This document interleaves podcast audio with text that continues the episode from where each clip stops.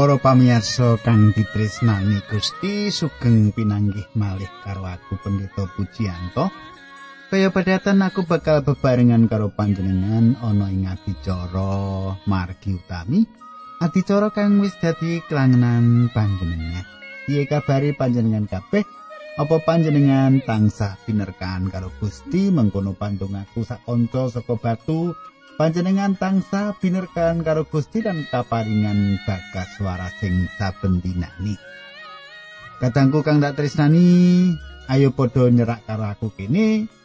Panjenengan tak derekake ngilut-ngilut pangandikan Gusti, kita sinau telusuri pangandikan kuwi supaya kayekten-kayekten bisa kita terapake ana urip kita mangkono ya. Sugeng midhangetake adicara iki.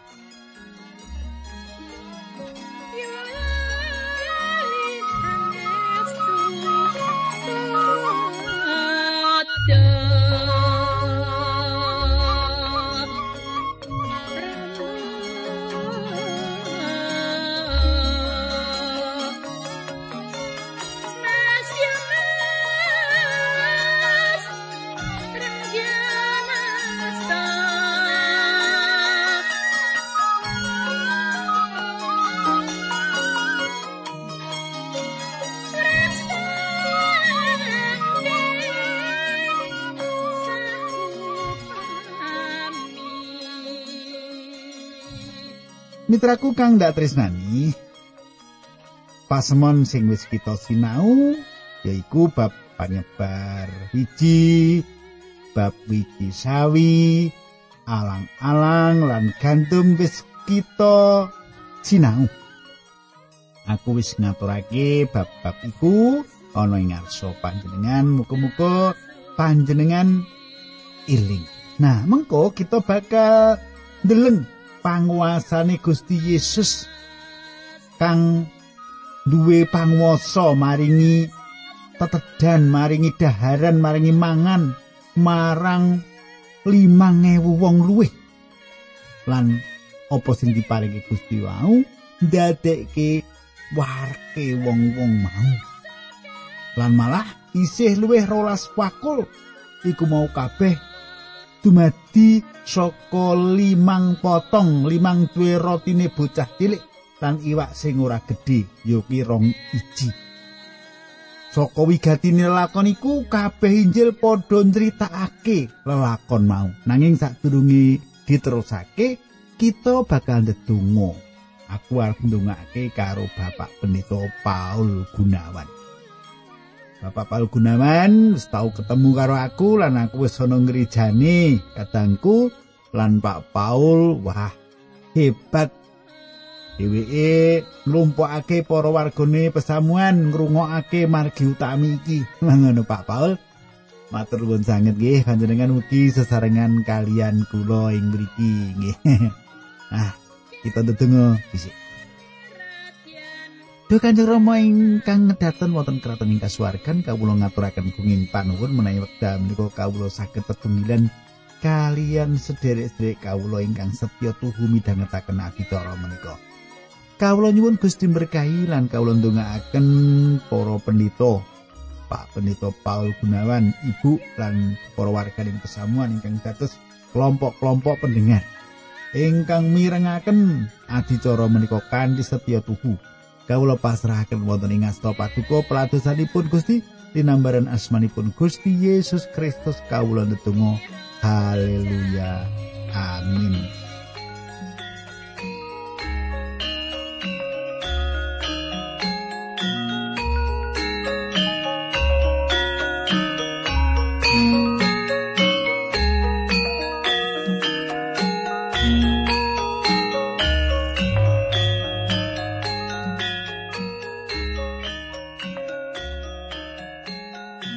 Kadangku kang gak tresnani, saiki panjenengan tak derekake mbuka Injil Matius 14 ayat 1 dan loro.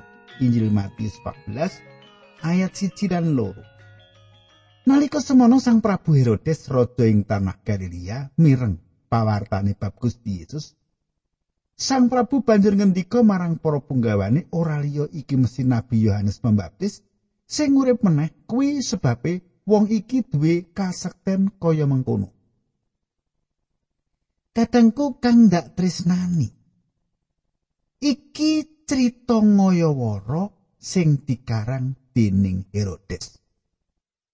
Endi ana wong mati bisa urip meneh?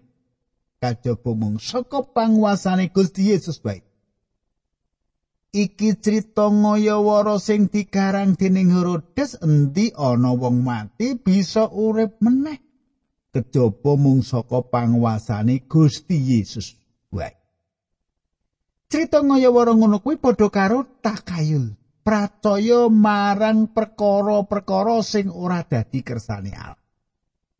Pracaya horoskop, ramalan-ramalan, nyembah kayu lan watu. Nanging ing jaman iki uga dipracaya dening wong-wong sing berpendidikan. Apa wae sing dipercaya kanthi batin rohani sing ing sanjabaning Gusti Allah iku kena diarani takayul. Jenengan piye? Apa pertonek malam jemaah kliwon kuwi ana tetekan banaspati lewat. Eh ya ngono kuwi. Selasa kliwon ngono kuwi, ya. Nah, panjenengane Gusti Yesus sing makarya ing tengahe wong-wong ing tanah Israel. Terus dadi kawigatene Raja Herodes. Yen nitik saka leluhure Raja Herodes kabeh duweni watek wantu ati dursila. ambek candala ing budi lan nuwun sewu bajingan wewatake nuwun sewu Dadi yen mripat batine Herodes tansah ngatekake Gusti Yesus iku jalaran duwe pamrih arep gawe ciloko arep gawe ciloko mafia jaman iku mafia jaman iku. Uripe peteng dedet lalimangan uripe peteng dedet limangan ora ana pepadang sing bisa gawe senenge liyan. Nalika Gusti Yesus ngabarake kabar kasukan kanggo sakabehing manungsa sing kudune saben wong dosa padha percaya lan bunga malah Prabu Herodes rumangsa mires nuli nukulake takayul ing kukuban kratone. Yohanes Pembaptis tangi meneh mongko wis kaprajaya kanthi sia-sia. Tugal gurune. Saka mirise atine nganti tuwuh pikiran-pikiran bab tangine Yohanes sing wis mati. Apa ana gegayutane karo Gusti Yesus? Tekad atine Herodes kepengin besmi Yohanes nyirnakake Yohanes. Lan sak pandhereke tekate mengkono. Uripe Herodes peteng tukang mabuk bejat morale kepribadiane miyar miyur nanging uga duwe sifat barbar. Sifat seneng mateni wong. Yohanes sang tutuk lakune Gusti Yesus wis kapradaya kapatena. Kari nunggu wektu kapan gurune Yohanes yo sang Kristus bisa kaprajaya uga kasedanan uga ayat iki ayat sing tak waca iki critakake bab sedane Yohanes Pembaptis sing dipateni utusane Herodes. Coba ayat telu bab 14. Ya sang Prabu Herodes iki sing biyen dawuh nyekel Nabi Yohanes banjur dibelenggu sarta dilebokake ing pakunjan. Katangku Herodes merentahake supaya Yohanes enggal dicekel. Herodes perintahake supaya enggal dicekel lan dikunjara. Iki jalaran Yohanes nyentulok.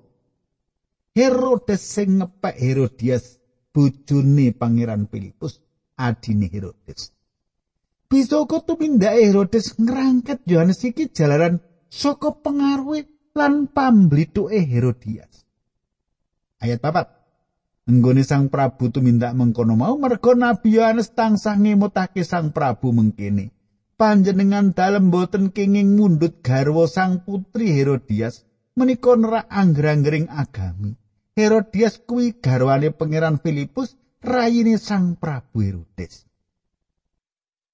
Kadangku Yohanes Pembaptis nduwa tumindak Herodes lan kanthi bloko ngandhake yen bab kuwi mau nglanggar angger-anggeri agama.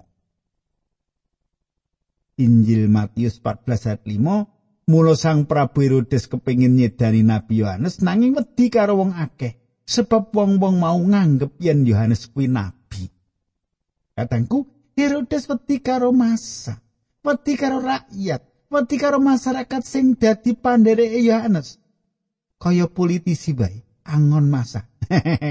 Nguasani masa, nanging uga wedi marang masa. Ayat 6. Nanging kecerita nalika lagi ana panghargyan dina wiyosane Sang Prabu Herodes, putri putrane Herodias mbeksa ana ing satengahing panghargyan. Nggone mbeksa mau nang semake banget ing penggali Sang Prabu. Mitraku. Herodes sesandingan karo Herodias tilas bojone Filipus adine. Anak Herodias arep diwenehi hadiah. Jalaran nggone joget nang semake atine Herodes. Herodes wis ora duwe isin ngepek ipene dhewe. Mula Yohanes nyentulo ngilingake pakarti kang bejat iki. Ayat itu nganti panjenengane kelair janjine bakal maringi apa wae sing disuwun putri mau. Kadangku mbok menawa Herodes mikir mengko mesti anake Herodias iki bakal njaluk hadiah emas pitis raja Brono. Pikirane Herodes Des. Saiki tak terus kait walu. Wasana marga wis diajani kang ibu, putri mau banjur munjuk. Keparenga kawula nyuwun sirahipun Yohanes Pembaptis samenika ugi kaparinga ing bati menika. Mitraku. Uripe Herodias pancen padha karo uripe keluargane Herodes, kejem sadis, tegelan ora duweni pri kamanungsan. ana klodangan saka Herodes kanggo males larane atine marang Yohanes jalaran dicentula. Ya iki wektune. Ini ana wektune ini ana kesempatan. Matius 14 ayat 9 nalika mireng panyuwun kuwi sang Prabu Herodes sedih banget nanging mergo wis janji ana ing ngarepe wong akeh.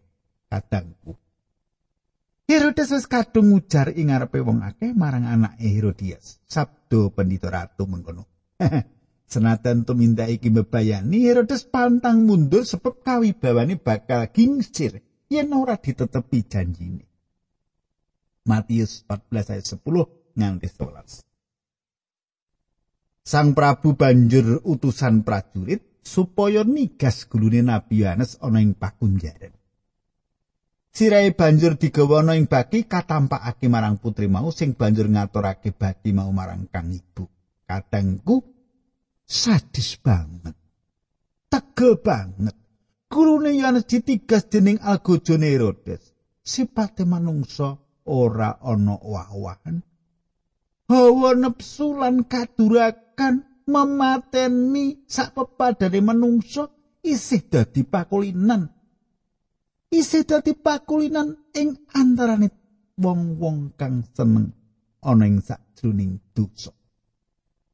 Ayat rolas para murid Nabi Yohanes banjur padha teka ngukup layane nulis disarekake sawise kuwi banjur padha suwan marang Gusti Yesus ngaturake lelakon mau. Katangku Jalaran saka tresno lan urmate marang Yohanes para murid banjur ngrukti layone Yohanes. Kabar iki diaturake marang Gusti Yesus. Gusti Yesus nilarake papan kono jalaran saking saka dini Herodes marang kahanan sawise sidan Yohanes bisa dadi tumindak brutal sing bakal dilakoni dening Herodes. Tumindak tegel-tegelan. Gusti nilar papan iku ngersakake supaya panjenengane bisa piyambakan. Supaya ora nambahi karuwetan Matius 14 ayat 13. Bareng midanget pawarta bab sedari Nabi Yohanes mau, Gusti Yesus banjur tindak saka ing kono piyambakan, nitih prau menyang papan sing sepi. Nanging wong-wong padha ngerti arep menyang ditindake, mulane banjur padha mlaku nusul panjenengan. Kadangku, nggone nilarake papan iku Gusti Yesus nitih baito, prau. Senajan to kaya ngono akeh wong sing teka saka kutha-kutha liyane padha ngetut tindake Gusti Yesus liwat daratan. Ing pangecap bakal bisa ketemu lan celak panjenengane ing seberangi tlaga Galilea. Asmane Gusti Yesus wis kawentar ing saindenge tlatah kono.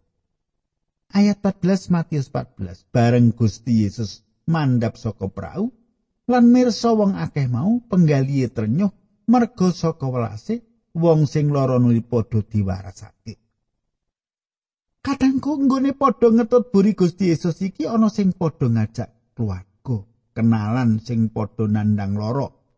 Kabeh padha diwarasake dening Gusti. Cacahe bisa atusan, malah bisa nganti ewon barang. Apa sing ditindakake Gusti kanggo marasake wong sing padha lara kanthi cara terang-terangan. Ora nganggo dedemitan, ora nganggo sesingitan kaya patrape dukun utawa aliran sekte-sekte. Gusti Yesus maringi pangan marang wong sing padha keluwet. Matius 14 ayat 15. Barang wis sore, para murid nuli padha sowan lan matur samenika sampun sonten, mongko papan menika sepen. Langkung prayogi menawi panjenengan dawi tiang-tiang menika kisah tumbas tedha wonten ing dusun-dusun. Mitraku, para murid ngaturi pamrayoga marang Gusti Yesus supaya wong-wong mau padha didawi golek panganan menyang desa dewi-dewi. Golek pangan dewi-dewi. Ayat 16 nanging Gusti Yesus ngendika ora susah padha dikon lunga kowe wae padha meneh ana mangan. Kadangku mukjizat kanggo nyawisake mangan wong sing gunggunge 5000 iku luar biasa. Ngedape-dapi lan wigati banget mula lelakon iki ditulis dening kabeh Injil. Sajae para murid kepengin dadi panitia kanggo nyiapake mangane wong 5000 mau. Nanging Gusti Yesus nyegah supaya wong-wong ora perlu ninggalake papan kono.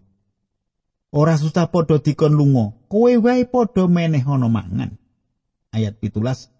Para murid nuli padha matur kawula namung sami gadah roti gangsal lan ulam kalih. Ayat 18 dawuh Gusti Yesus gawanen rene wenehno aku. kadangku roti limo lan iwak loro. Kaya-kaya iki lambang kahanane gereja dina iki. Kanggo nyukupi wong akeh, gereja ora duwe kekendelan kanggo nyukupi kabutuhan sing ana.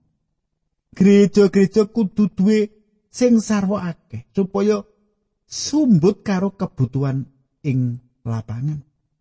Kurang kapertayan yen sing setitik yen dipasrahke ngastane Gusti bakal bisa nyukupi lan luwih-luwih kanggo nyukupi kabutuhan kabeh. Roti rohani, roti kasukman sing dadi darbe gereja. Ora kok berdidum kanggo wong akeh. Mongko yen roti rohani iki bisa dipara-para didum-dum rata. Kabutuhan luwene jiwa bakal kadukupan. Mula dawuh Gusti gawanen mrene.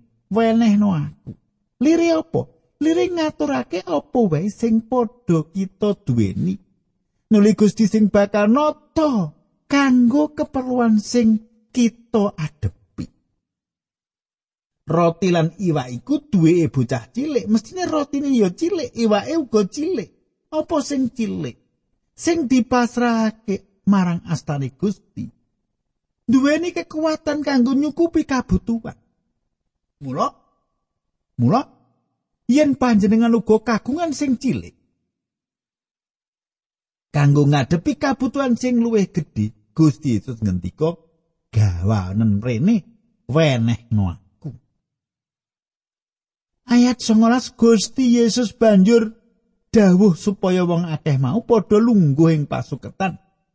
Gusti Yesus banjur tumenga ing langit lan matur nuwun marang Gusti Allah. Roti lan iwak tumuli diberkahi banjur dicuwe-cuwe lan diparingake marang para murid sing banjur ngedum-edumake marang wong akeh mau. Kadangku padha kedawan monto-monto. Dadeki kelompok-kelompok lan lungguhing pasuketan golongane wong-wong mau maneka warna sandangane warna-warna kepribadiane lan bisa uga suku lan bangsane beda-beda lungguh kanthi becik yen dideleng saka kaduan kaya dene kekuatan masa sing pengpengan Gusti nuli temengo ing langit ngaturake syukur panuwun ing ngarsane Allah Sang Rama. Banjur berkahi roti lan iwak mau. Nuli didom dening para murid Gusti. Iki kewajiban sing kudu dilakoni para murid ya para rasul. Ngedom roti kanggo pangan marang wong sing keluwen. Roti iku sabdane Allah. Sabdane Allah kita. Para tetuane gereja dadi tukang lelati, tukang melayani. Ayat 30. Wong akeh nuli padha mangan nganti warek. Sawise mangan para murite banjur nglumpukake sisane roti lan iwak nganti oleh rolas wakul kebak. Ayat selikur, sing padha mangan mau cacahe wetara wong 5000 ora kapitung wong wadon lan bocah-bocah. Kadangku sisa roti lan iwak dudu sisa sing wis dicakot banjur dibuang. nanging sisa cecawisan roti sing diladekake tegese pancen wis warek tenan nganti turah-turah. Contone tumrap kita. Piye supaya kita ngirit? Piye supaya kita ora boros? Kita aja mbuwang samu barang sing iso digunakake karo wong liya. Lampu lan banyu kudu ngirit nganggone supaya wong liya ya keduman nggunakake. Sing padha mangan wong lanang wae 5000. Lah wong wadon lan anake pira? Bisa nganti 10000 wong sing padha mangan. Upamane iki pesta, iki pesta sing gedhe banget kadangku. Gusti Yesus paring dawuh marang para murid supaya ndisiki nyabrang tlaga Galilea. Matius 14 ayat 3. Sawise kuwi Gusti Yesus banjur dawuh marang para murid supaya nunggang prau ndisi nyebrang tlaga dene wong akeh mau padha kedawan muli. Kadangku manut Injil Yohanes Gusti Yesus ngersakake supaya wong-wong padha ora nyengkakake aluhur dadi ratu. Wong-wong aja ngantek ndadekke ratu panjenengane. Marga apa? Marga wektune durung tutup. Yohanes 6 ayat 15. Sarane Gusti Yesus percaya yen wong-wong marep meksa ngangkat panjenengane dadi ratu, Gusti Yesus nulis sumingkir sarta minggah gunung meneh piyambak. Katangku, Gusti Yesus ora jalaran kapilih lagi dadi raja. Nanging panjenengane raja sing pancen dikersakake dening Allah Sang Rama pribadi. Kadangku ayat 23, sawise wong akeh mau padha lunga Gusti Yesus banjur minggah ing gumuk piyambakan arep ndedonga. Bengi kuwi panjenengane piyambak ana ing kono. Nalika semono para murid wis ana ing tengahing tlaga, praune muntang manting ditemu dening ombak marga angine nampek. Kadangku kepriye kawusarane praune para murid sing ditrajang ombak sing katempo ombak mawalikan kuwi? Mangko dina candhake bakal tak terusake saiki ayo ndedonga dhisik. Duh Gusti kawula sampun ngaturaken babagan-babagan wucalan saking Injil Matius. Kalau nyuwun paduka berkahi lan dadosno kegiatan kangge kapitadosan sedherek kawula menika. Dinambaran asmani Gusti Yesus Kristus kawula netunggal. Haleluya. Amin.